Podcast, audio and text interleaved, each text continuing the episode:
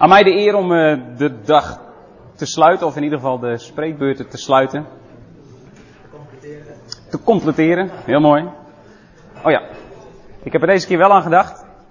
Ik zal hem er even bij pakken. Broodjes, ja, zo lang gaat het niet duren hoor, maar. Uh... Voor uh, de spanning.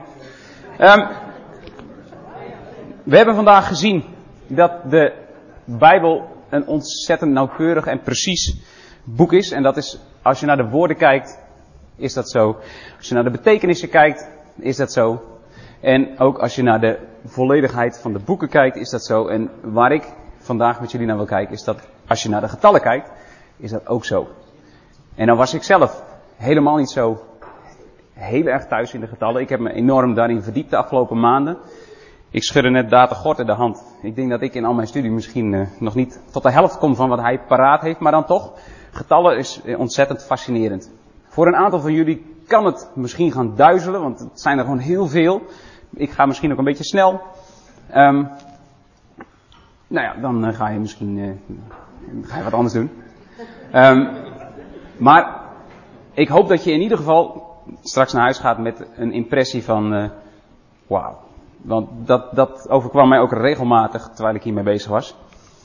Nog even, net als de vorige keer, even iets over mezelf. Een aantal van jullie hebben mij de vorige keer gezien, een aantal niet.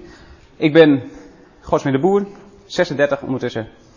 Getrouwd, drie kindertjes. Ik geef in mijn dagelijkse werk natuurkundelessen op de middelbare school.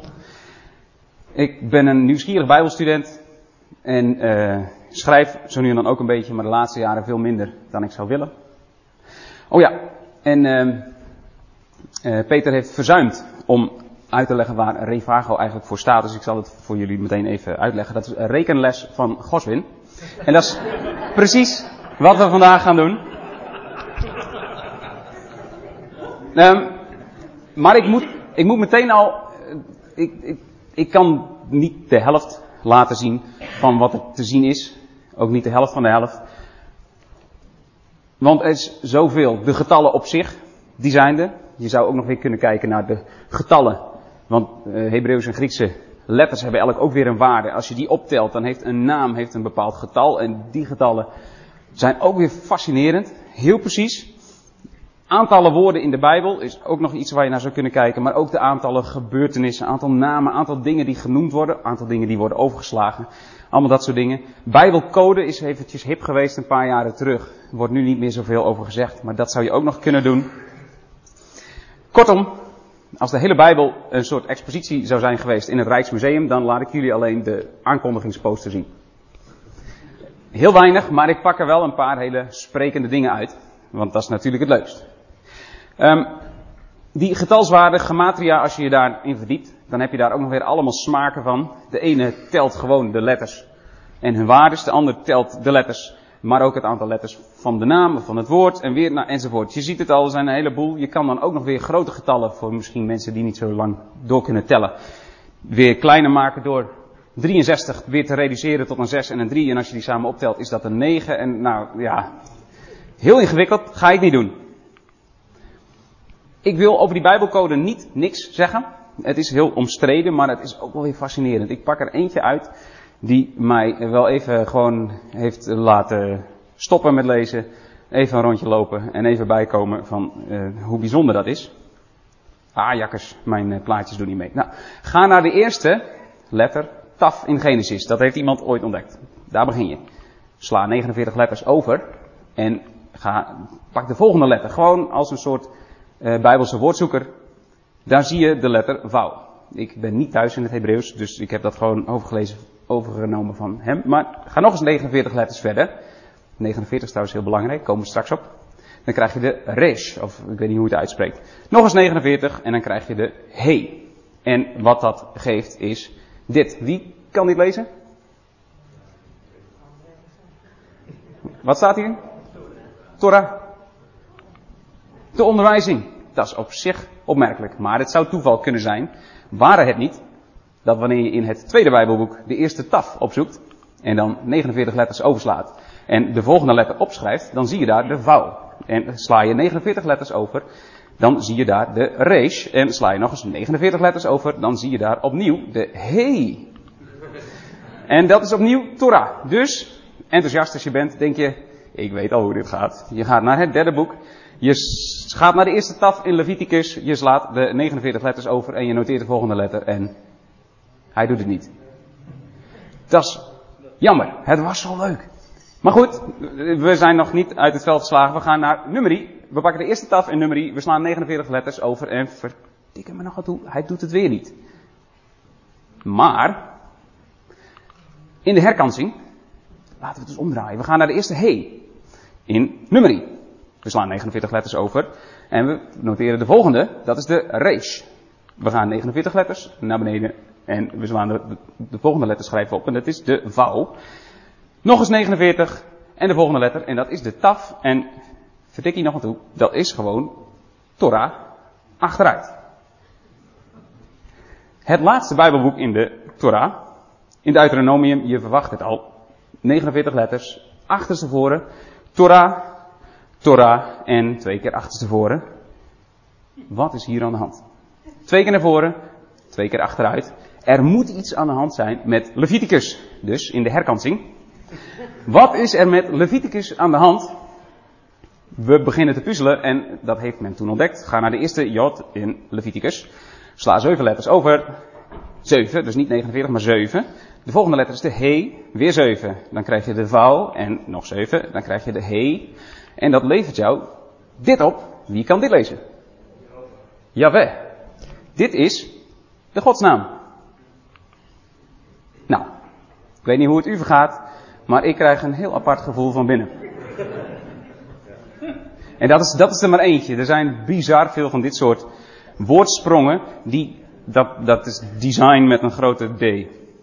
Maar ja goed, moeten we nou zulke ingewikkelde woordzoekers doen om te ontdekken dat de hele Bijbel om Jaweh draait? Het zou een beetje hetzelfde zijn als wanneer een geneticus zegt, hé hey, maar schat, ik zie dat jij de genetische code voor groene ogen hebt. Je had je vrouw ook gewoon in de ogen kunnen kijken. Dus, ik ga niet veel verder met die Bijbelse code. Ook al is die heel interessant, want het schijnt dus dat bijvoorbeeld in Jesaja 53, de passage die aan de oppervlakte al over de kruisiging van Jezus gaat, in dit soort uh, uh, sprongetjes ook nog eens een keer het woord Nazarener, Galilea, Caiaphas, Pascha, de man Herodes, Moria, kruis, doorsteken. Alle namen van de discipelen, Maria, Jozef, het zit er allemaal in. Nou ja, dus, dit zou bijna weer zo'n momentje zijn dat ik even een rondje moet lopen. Ga ik niet doen, dat is heel erg saai voor jullie. Maar het dagthema was het woord van God. De eerste spreker was heel erg duidelijk over de precisie van de woorden. De tweede spreker over de betekenis van de tekst. Ik zie, ik had zo net nog een kleine aanpassing gedaan. Ik had hier van letterlijk had ik gesloten gemaakt. Niet als dat je het boek gesloten moet houden, maar dat de Bijbel een gesloten geheel is die naar zichzelf verwijst en zichzelf verklaart. De volledigheid door de derde spreker. Dat de Bijbel compleet is in zichzelf. En natuurlijk stel ik nu de vraag, zit er in die getallen dan ook zo'n soort handtekening maar dat is dan even spannend. Daar gaan we naar kijken. Ik had die video laten zien in de pauze, gewoon omdat me dat nu vier minuten scheelt. Maar in de natuur, dat weten we, of dat heb je misschien wel eens gehoord, de natuur is vreselijk precies.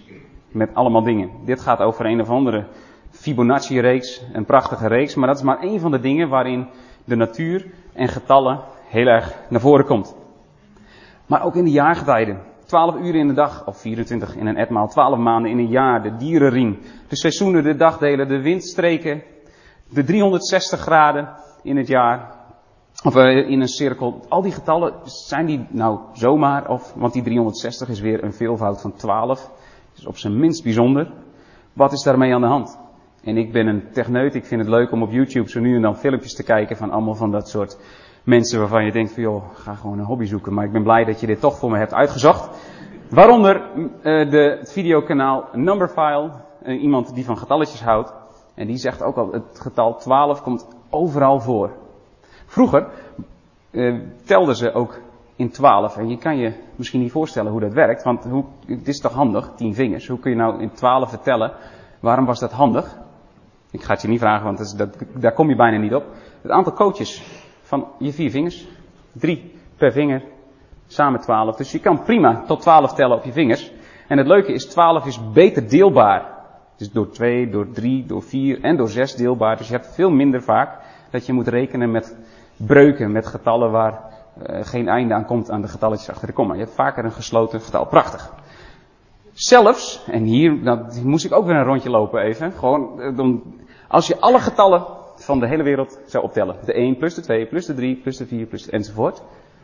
Dan kan hij voor mij sluitend, als leek, bewijzen dat die reeks, als je ze allemaal optelt, uitkomt op min 12, of min een twaalfde.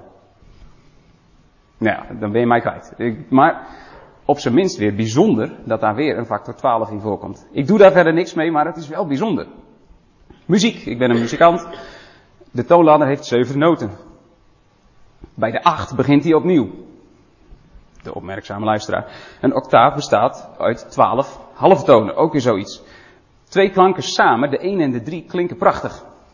De 1 en de 2 niet zo, dat is een soort dissonant. De 1 en de 5 klinken ook mooi. De 1 en de 3 en de 5 is de eerste drieklank, de belangrijkste van alle soorten muziek. Dat is een akkoord. En als je de 7 eraan toevoegt, dan heb je een septiem akkoord of een vol akkoord. Dat klinkt zo lekker jazzy. Op zijn minst weer bijzonder. Welke getallen kennen jullie? Schieten zo in je te boven als je zegt, de Bijbel heeft een voorliefde voor de 7, 3, 1. Bijna alles, hè? Ja, want jullie, jullie, weten al te veel. In ieder geval, ik ga het gewoon voorzeggen, want dan, anders als jullie meer zeggen dan ik heb op mijn dia heb. In ieder geval de 3, de 7 en de 12. Dat ben je met me eens, toch? En ik hoorde de 1, want natuurlijk, die, die doet ook mee. De 5, iets, iets minder aan de oppervlakte, maar de 5 is ook belangrijk. En de 10 komt ook heel vaak voor, de 10 woorden. Maar dit zijn getallen waar de Bijbel op de een of andere manier een voorkeur voor heeft. En ik ga jullie laten zien dat dat niet alleen maar aan de oppervlakte zo is, maar ook onder de oppervlakte op een manier waar ik dan weer stil van word. En wat ook nog weer eens bijzonder is, als je de 5 even niet meedoet, want die zit ook iets meer onder de oppervlak. Als je 1 keer de 3, keer de 7, keer de 10 en keer de 12 doet, dan komt daar het getal 1260 uit. En dat was weer dat getal wat je vaak met de profetie van Daniel te horen krijgt over de tijden. Prachtig. En die 1, 3, 5, 7 en de 12 zijn ook nog eens weer de muzikale noten. Er lijkt wel een design in te zitten. Ik ga met jullie eerst die voorkeursgetallen bekijken. En ik zal dat proberen snel te doen. En vanaf nu kan het je zo nu en dan gaan duizelen, want het is veel en het is snel. Laat het over je heen komen en zie maar wat beklijft. De een is natuurlijk van God. In den beginnen God. Maar ook het Shema en Horo Israël, de Heer uw God is één. Dus de een wijst op God. Het is de enige. Als je één hebt, heb je niet een ander. Geen verschillen, je bent alleen. De eerste, maar ook eenheid en voorrang en de belangrijkste, dat zit allemaal in die één besloten. En dat zie je ook terug als je kijkt naar het eerste boek van Genesis. Daar komt God vooral naar voren als de soeverein, als de God die kiest, de God die doet, de God die schept. De eerste, oh ja, dat is bijzonder. Um, Toledot, het woord geslachtsregister, komt elf keer voor in Genesis. Nou, en met elf breuken in Genesis maak je dus twaalf stukjes. Genesis is weer in twaalf gedeeld. En het eerste stukje is uh, de schepping nog volmaakt. Vanaf het tweede stukje, daar komen we straks op wat de twee betekent, gaat het mis. De eerste belofte gaat over het zaad van de vrouw. De eerste vervulde belofte gaat over zie de maagd. Opmerkelijk. Maar ook het eerste verbond is een eenzijdig verbond. Het eerste gebod. Gij zult geen ander Alleen ik. Jezus, de eerste woorden toen hij twaalf was, zijn de dingen van mijn vader. Ik ben bezig met de dingen van mijn vader. En de eerste toen hij echt in bediening ging, toen moest hij meteen gaan sparren met uh, de doorheenwerper, met de Satan. Dan was zijn eerste woord, er staat geschreven. Dus op de een of andere manier, die één is ontzettend belangrijk. Ook als het gaat om de eerste woorden, de eerste dingen. Het tweede goddelijke getal is de drie. Die zie je overal terug.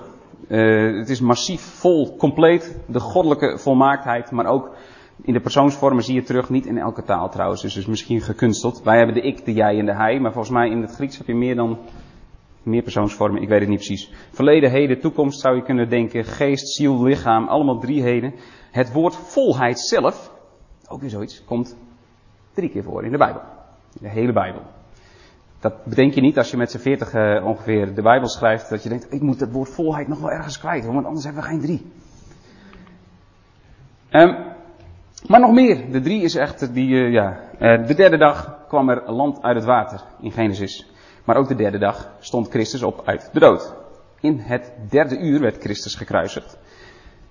Daarna werd het donker, drie uur lang. En, nou ja, het derde stuk van, het, van, die derde, van die drie uren zei hij, het is volbracht. Dus ook weer de drie. Toen was het volbracht. Er staat in Matthäus drie keer, zegt Jezus, er staat geschreven.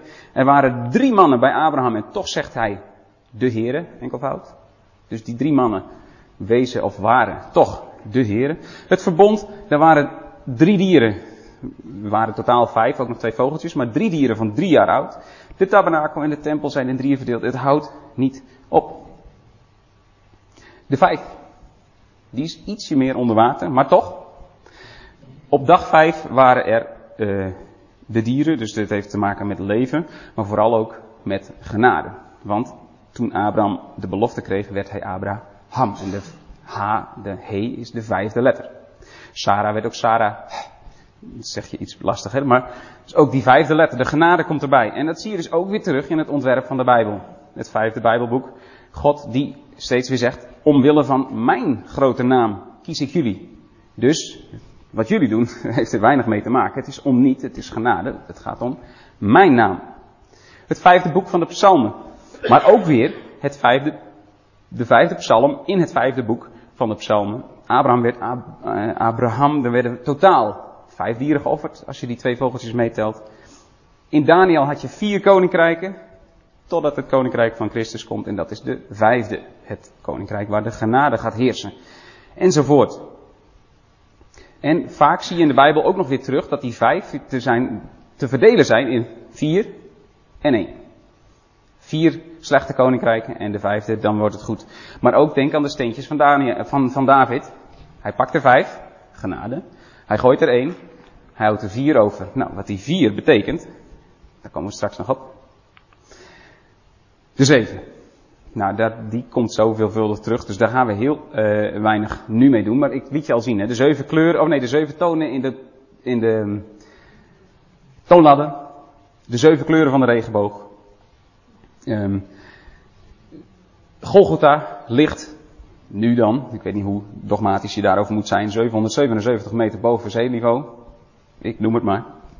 En het is op de een of andere manier weer te verdelen vaak in een 4 en een 3. En die 4, dat komen we nog op. Maar die 3, dat wijst dan weer op God. En dat zie je ook in de opsommingen elke keer weer terug. De 10. Nou ja, de 10 woorden van God. Orde. Het is compleet. Zo is het goed. Volledigheid, ordelijke volmaaktheid. Zo wordt het dan door meneer Bullinger, van wie ik heel veel heb geleerd in de afgelopen dagen, wordt het genoemd. Ordelijke volmaaktheid. En dat zie je ook weer terug. De tien geboden zijn genoeg. De tien plagen over Egypte, toen was het wel duidelijk. Noach was de tiende generatie. Onze vader bestaat uit tien zinsdelen. Israël rebelleerde tien keer in de woestijn. Er waren tien gelijkenissen van het koninkrijk. Er zijn tien koningen in de eindtijd. Enzovoort. Je ziet het overal terug. Die twaalf, dat gaat best snel zo. Bestuurlijke volmaaktheid. Want als God zijn discipelen kiest, die dan straks in het nieuwe Jeruzalem zullen heersen, dan zijn het er twaalf. Dus als je het hebt over bestuur en God, dan kom je uit op twaalf. En dat zag, zag, je ook terug in de uren en de maanden en de graden, want dat is allemaal een veelvoud van twaalf. Maar ook in de twaalf stammen. De twaalf richters. De twaalf vaders van Seth tot en met Noach, maar dan ook weer de twaalf vaders van Sem tot en met Jacob. En ook als je openbaring leest met de maten van het nieuwe Jeruzalem, daar schittert de twaalf ook weer uit. Dus die twaalf is heel erg belangrijk.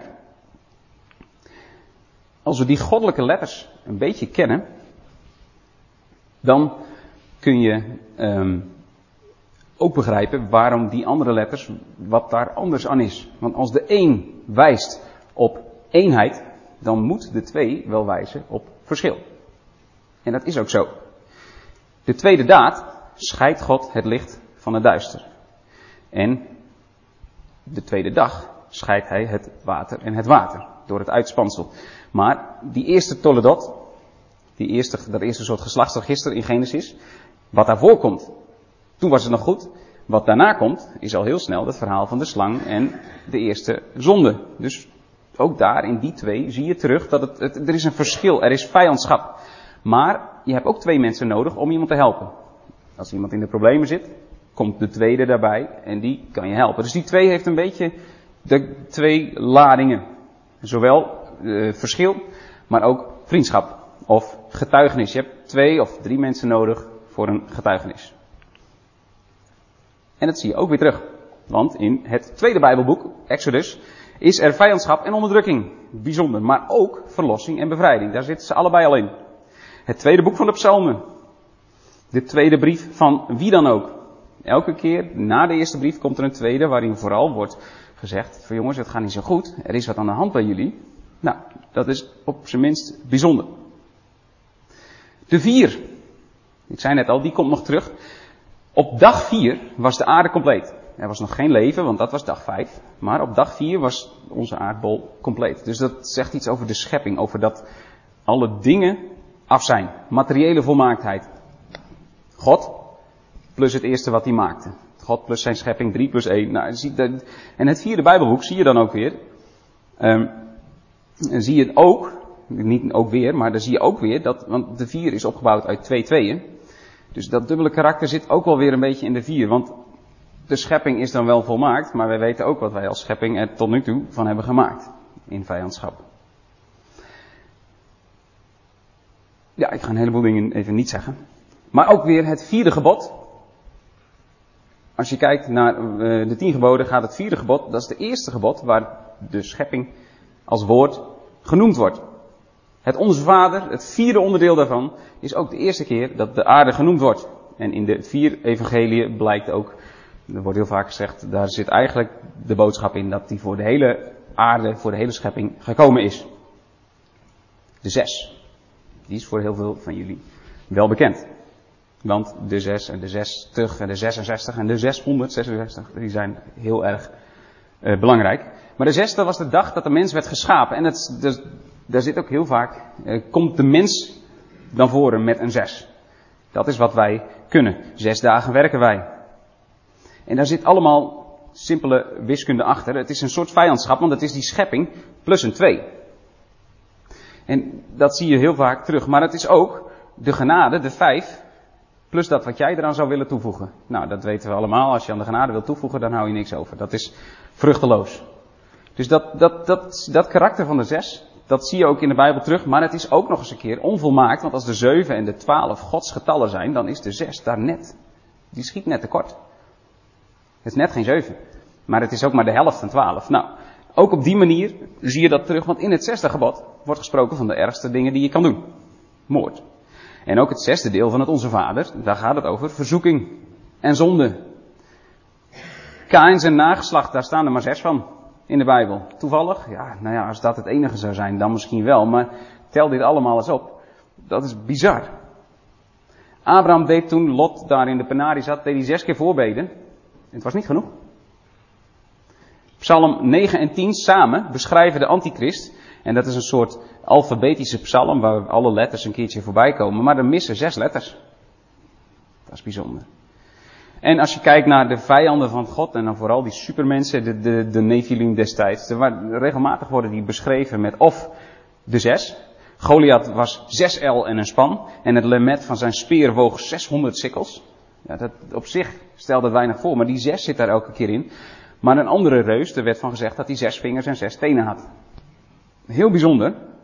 Op zich raar, maar als je begint te zien wat die zes zegt, dan, dan, dan zie je die laag daarin. Mozes moest zes dagen wachten op de berg en pas op de zevende dag mocht hij komen. Er zijn in de Bijbel worden maar zes woorden, worden zes woorden gebruikt voor de mens. Wie bedenkt dat? Met al, al die schrijvers. De acht. De octaaf. Na de zeven begint het opnieuw op mijn piano. Maar in de week ook. En bij God ook. Want na de zevende uh, week, of de zevende duizend jaar, dan beginnen we in de nieuwe schepping. Dus de acht wijst op alles wat nog, wat je, wat er plus, zeven plus nog eentje. Dus overvloed, verzadiging, een nieuw begin, maar ook opstanding. Want de acht was de eerste dag van de week. Nou ja, en daar heeft André Piet al diverse dingen over gezegd. En dat zie je ook nog weer terug. Jozef spreekt acht keer met zijn broers, zeven keer voordat zijn vader doodging en de laatste keer daarna. Jezus was acht keer op de berg, zeven keer voordat hij doodging en de achtste keer erna. Abraham had acht zonen, zeven naar het vlees, eentje naar de belofte. De besnijdenis vindt plaats op de achtste dag, enzovoort. Dus dat, die acht zit ook weer overal in en elke keer wijst die acht naar dezelfde dingen. Als een design. Het zou maar zo gemaakt kunnen zijn. De negen. Die is bijzonder, omdat daar heel vaak een oordeel aan hangt. En dat is een beetje te verklaren, omdat de negen uh, uh, opgebouwd is uit twee drieën. En twee drieën zijn dan weer samen de zes. Maar de drieën zelf, het is een goddelijk oordeel. Want er zit heel veel, de, de drie zit daar overal in, in doorspekt. Maar de negen komt in heel veel situaties van oordeel voorbij. En van ruzie en van strijd. De eerste strijd in de Bijbel is tussen negen koningen. Vijf tegen vier geloof ik, of andersom. In Haggai worden negen zaken genoemd waarover geoordeeld wordt. Dat zijn dingen waar je de betekenis van zo'n getal kan uh, achterhalen. De eerste keer dat iets gezegd wordt. Er wordt negen keer iemand gestenigd in de Bijbel. En negen keer wordt iemand blind of met blindheid geslagen. Ik bedenk het ook niet, maar dat zit er allemaal in. De elf is net geen tien, iets te veel voor de tien, maar het is ook net geen twaalf, dus het zit daar tussenin. Het is wanorde, het is net niet compleet. De, de Jacobs gezin was niet compleet zonder Jozef, maar Edom, een van de vijanden, uh, die vaak in de Bijbel terugkomt, had elf stamhoofden. Jozef zat elf jaar in de gevangenis. En ja, dat moet ook wel toeval zijn. Menno noemde net dat Aion 122 keer verkeerd vertaald is in onze Bijbel. En 122 is 11 keer 11. Ik noem het maar. Oftewel, dit is mijn onderzoeksvraag na zo'n inleiding. Even snel, van wat, wat, wat moet ik bedenken bij die getallen? Zit er in die getallen nou ook een bijzondere precisie? Nou, eigenlijk zou ik nu al kunnen zeggen, ja toch? Maar het is nog lang niet klaar. Of tenminste, er is nog, ik, ik, moet, ik moet beperken, maar ik heb, ik heb nog meer. En dat wordt alleen maar bijzonderder. En het liefst niet in één Bijbelboek, want de Joden zijn natuurlijk hele kunstige schrijvers. En die zijn tot heel veel van dit soort bijzondere structuren in staat, maar het liefst over de hele Bijbel. Want ja, dat kun je niet bedenken. Dat die andere schrijver verder gaat met, dat, met de plannetjes die jij had. Met aantallen en data en dat soort dingen. Dus liefst over alle schrijvers samen, want dan, dan moet God dat wel hebben geredigeerd. Kijk naar de tijden. Noach kon weer op het opgedroogde land staan in de tweede maand. Dus twee was het verschil, maar ook hulp. Maar dat is ook op de 27e van de maand. Dus drie keer negen, het oordeel van God. Maar eh, dan is het ook weer klaar. Als God oordeelt, daar zit weer een einde aan. En over die derde dag, ja, nou goed. Geef uh, André Piet uh, wat te drinken en maak een dag of drie vrij in je agenda. Dan vertelt hij je nog veel meer over wat die drie allemaal nog meer te betekenen heeft. Um, de tijden de jaarweken van Daniel is denk ik wel de bekendste, in ieder geval bij ons. De eerste waar ik met tijden te maken had was deze. Daar is iets mee aan de hand, want als je ze normaal zou rekenen, zou je zeggen, ja, maar dat is toch al lang voorbij. En toch is dat niet zo, maar waarom? Waarom was dat niet voorbij? Wat is er met de klok gebeurd? Die is, die is gestopt, waarom? De ja, nou, omdat ze, ze hebben hun Messias afgewezen. Dus, toen Israël de beloofde Messias niet accepteerde, toen stopte die klok van Daniel. Dus die laatste zeven weken hebben we nog te goed. Nou, dit is niet een te goed waar je heel blij van wordt, want dat is niet leuk.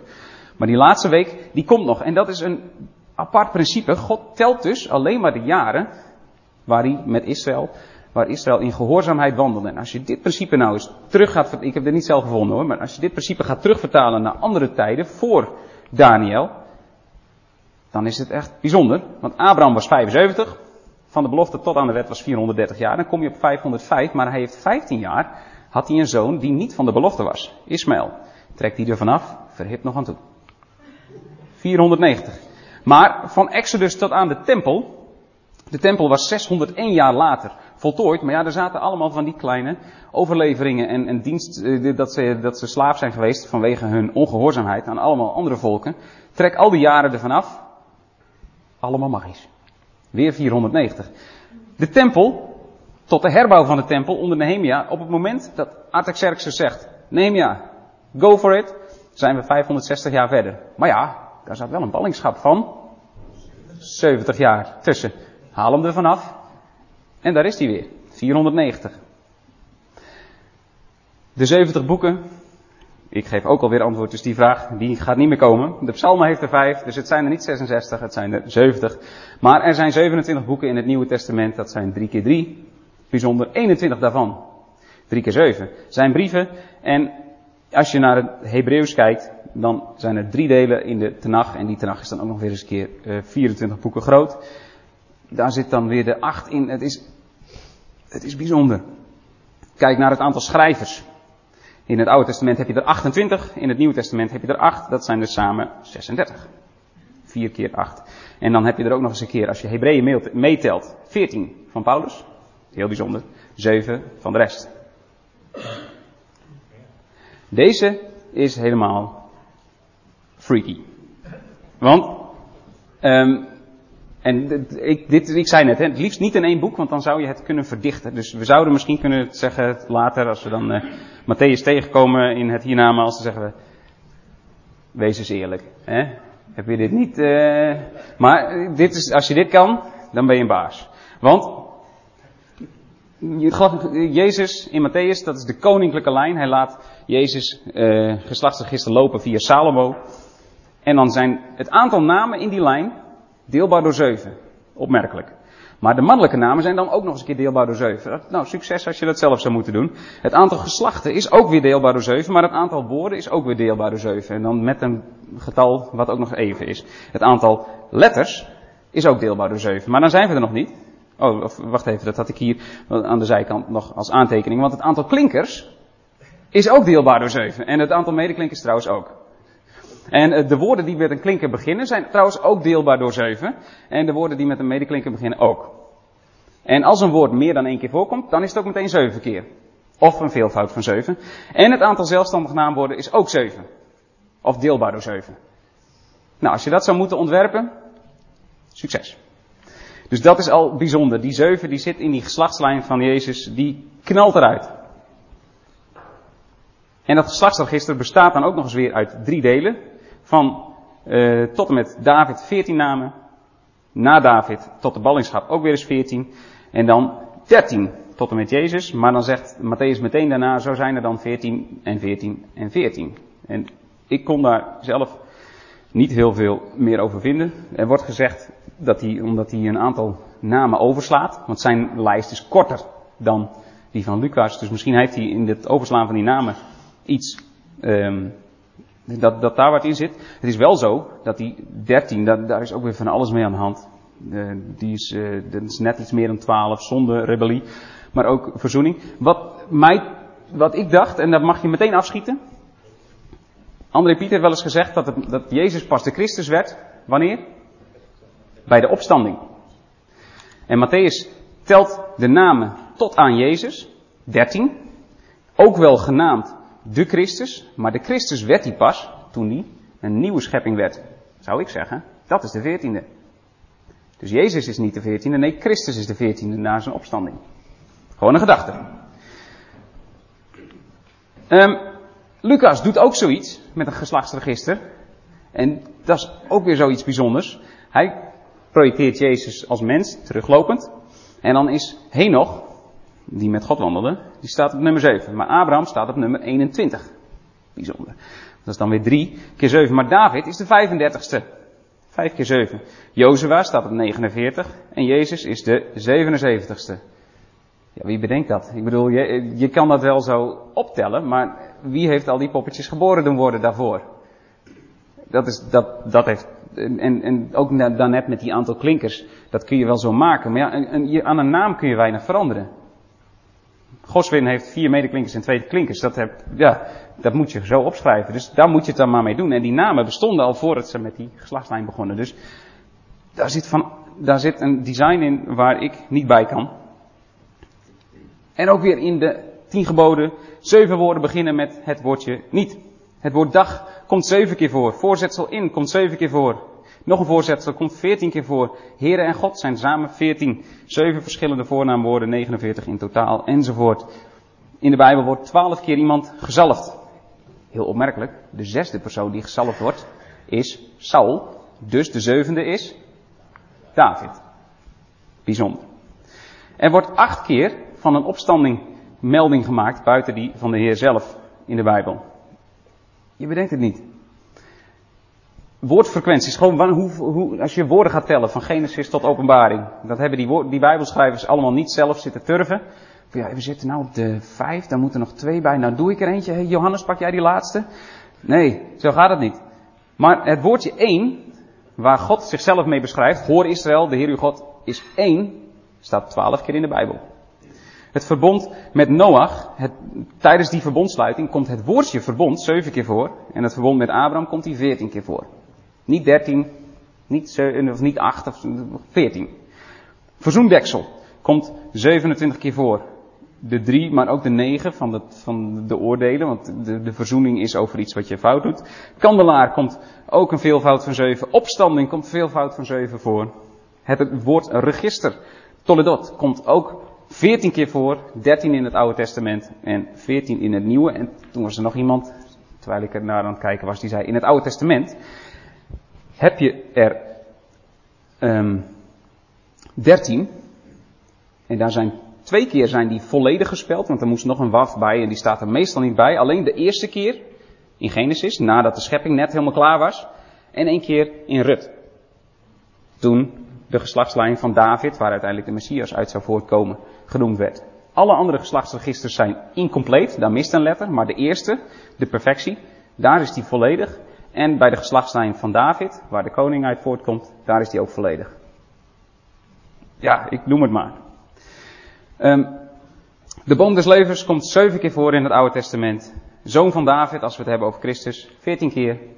Ja, nog eens zoiets. Als je nog niet zeker weet of de Bijbel nou compleet is. Petrus heeft een aantal woorden in zijn eerste brief en een aantal woorden in de tweede brief. Als je ze optelt, heel bijzonder, samen zijn ze zeven. Of veertien, of 21. Ik heb er een paar uitgepakt. Er zit soms ook wel eens een ander getal tussen, maar dan is dat bijvoorbeeld de 8. Of de 12. Maar elke keer komen die getallen terug. Paulus Helemaal als je Hebreeën, als je niet zeker weet of Hebreeën van hem is, nou kijk eens naar de getalletjes. Deze woorden zijn zonder Hebreeën niet compleet. Tenminste, dan mis je die zevens. Totdat je denkt van hé, hey, met Hebreeën erbij. Er komt er eentje bij, wordt apostel, wordt ineens vijf keer zeven, komt dat voor. Bidden komt 21 keer voor, geloven enzovoort. Al die woorden zijn ineens een veelvoud van zeven. Ik kan het niet bedenken. En als laatste als je kijkt naar de getalswaarden, en daar ben ik echt niet goed in. Want dat zei ik al, er zijn ook nog zeven, acht verschillende smaken van. Um, als je de letters optelt, komt daar een getal uit. En het is in ieder geval bijzonder dat die acht van de opstanding terugkomt in de titel van Jezus, Heren. Ook in zijn zoonschap, 880, maar helemaal in zijn naam, 888, tegenover de, 7, de 666. Messias is ook een veelvoud van 8. Christus is een veelvoud van 8. Redder is zelfs een veelvoud van 8 keer 8, de kwadraat. En Emmanuel is een veelvoud van 8 tot de derde. Dit soort wiskunde heb ik allemaal dus niet gedaan, hè? maar dat, het, waarom komt dan niet gewoon 16 uit of zo? Oh, 16 is ook een twee. Nou, ja. Maar de andere kant, want dan zou je zeggen van oké, nou doen we dat nog eens, maar dan met namen die helemaal niks met Christus te maken hebben. Ja, bijzonder. Maar die, die 13 die ik net noemde, dat, dat kan ik te weinig, ik, ik, ga niet verder dan 12, want dan, dan wordt het te lang. Die 13 heeft te maken met zonde en oordeel. En de Satan is een veelvoud van 13. De seraf uit het Oude Testament heeft een veelvoud van 13. Belial, veelvoud van 13. Slang, draak, de verzoeker, de moordenaar, de oude slang, de Satan. Allemaal zit daar ineens niet een 8 in, maar een 13. En het, de getalswaarde van David is 14. Yahweh samen is 26. En dat is op zich Uh, daar zit dan uh, vast meer in dan ik eruit kan halen. Maar als je dat weet, dat Jahweh 26 is, is het op zijn minst weer bijzonder dat Isaac een veelvoud heeft van 8 en 26. De zoon die Abraham zelf niet kon krijgen, maar die door het opleven van zijn mannelijkheid, door zijn opstanding, om het maar even iets technischer te zeggen, wie oren heeft, die horen, kreeg hij toch nog een zoon van God. En zijn getalswaarde is toevallig ook nog eens 8 keer 26 Sinaï, waar de wet gesproken wordt. Maar in de getalswaarde van de Sinaï zit de 5, de genade. Want de gij zult, heeft André Piet vaak op gewezen, is ook een belofte. De genade. Jozef, 6 keer 26. Oftewel, als ik antwoord zou moeten geven met mijn beperkte brein over of de Bijbel ook in de getallen een eenheid is en of daar iets doorheen schijnt wat een design laat zien wat groter is dan wij zouden kunnen bevatten, dan zeg ik ja. Hoe ik ook naar dat telraam of door dat raam kijk, ik zie God overal. Je zag me net misschien nog wel een beetje spelen met mijn laptopje en toch nog weer een beetje typen. En, want ik denk, het is nog steeds niet helemaal af. En ineens zag ik het. Er moest nog één slide bij. Want dan heb ik er 70. En dit was hem. Dank jullie wel.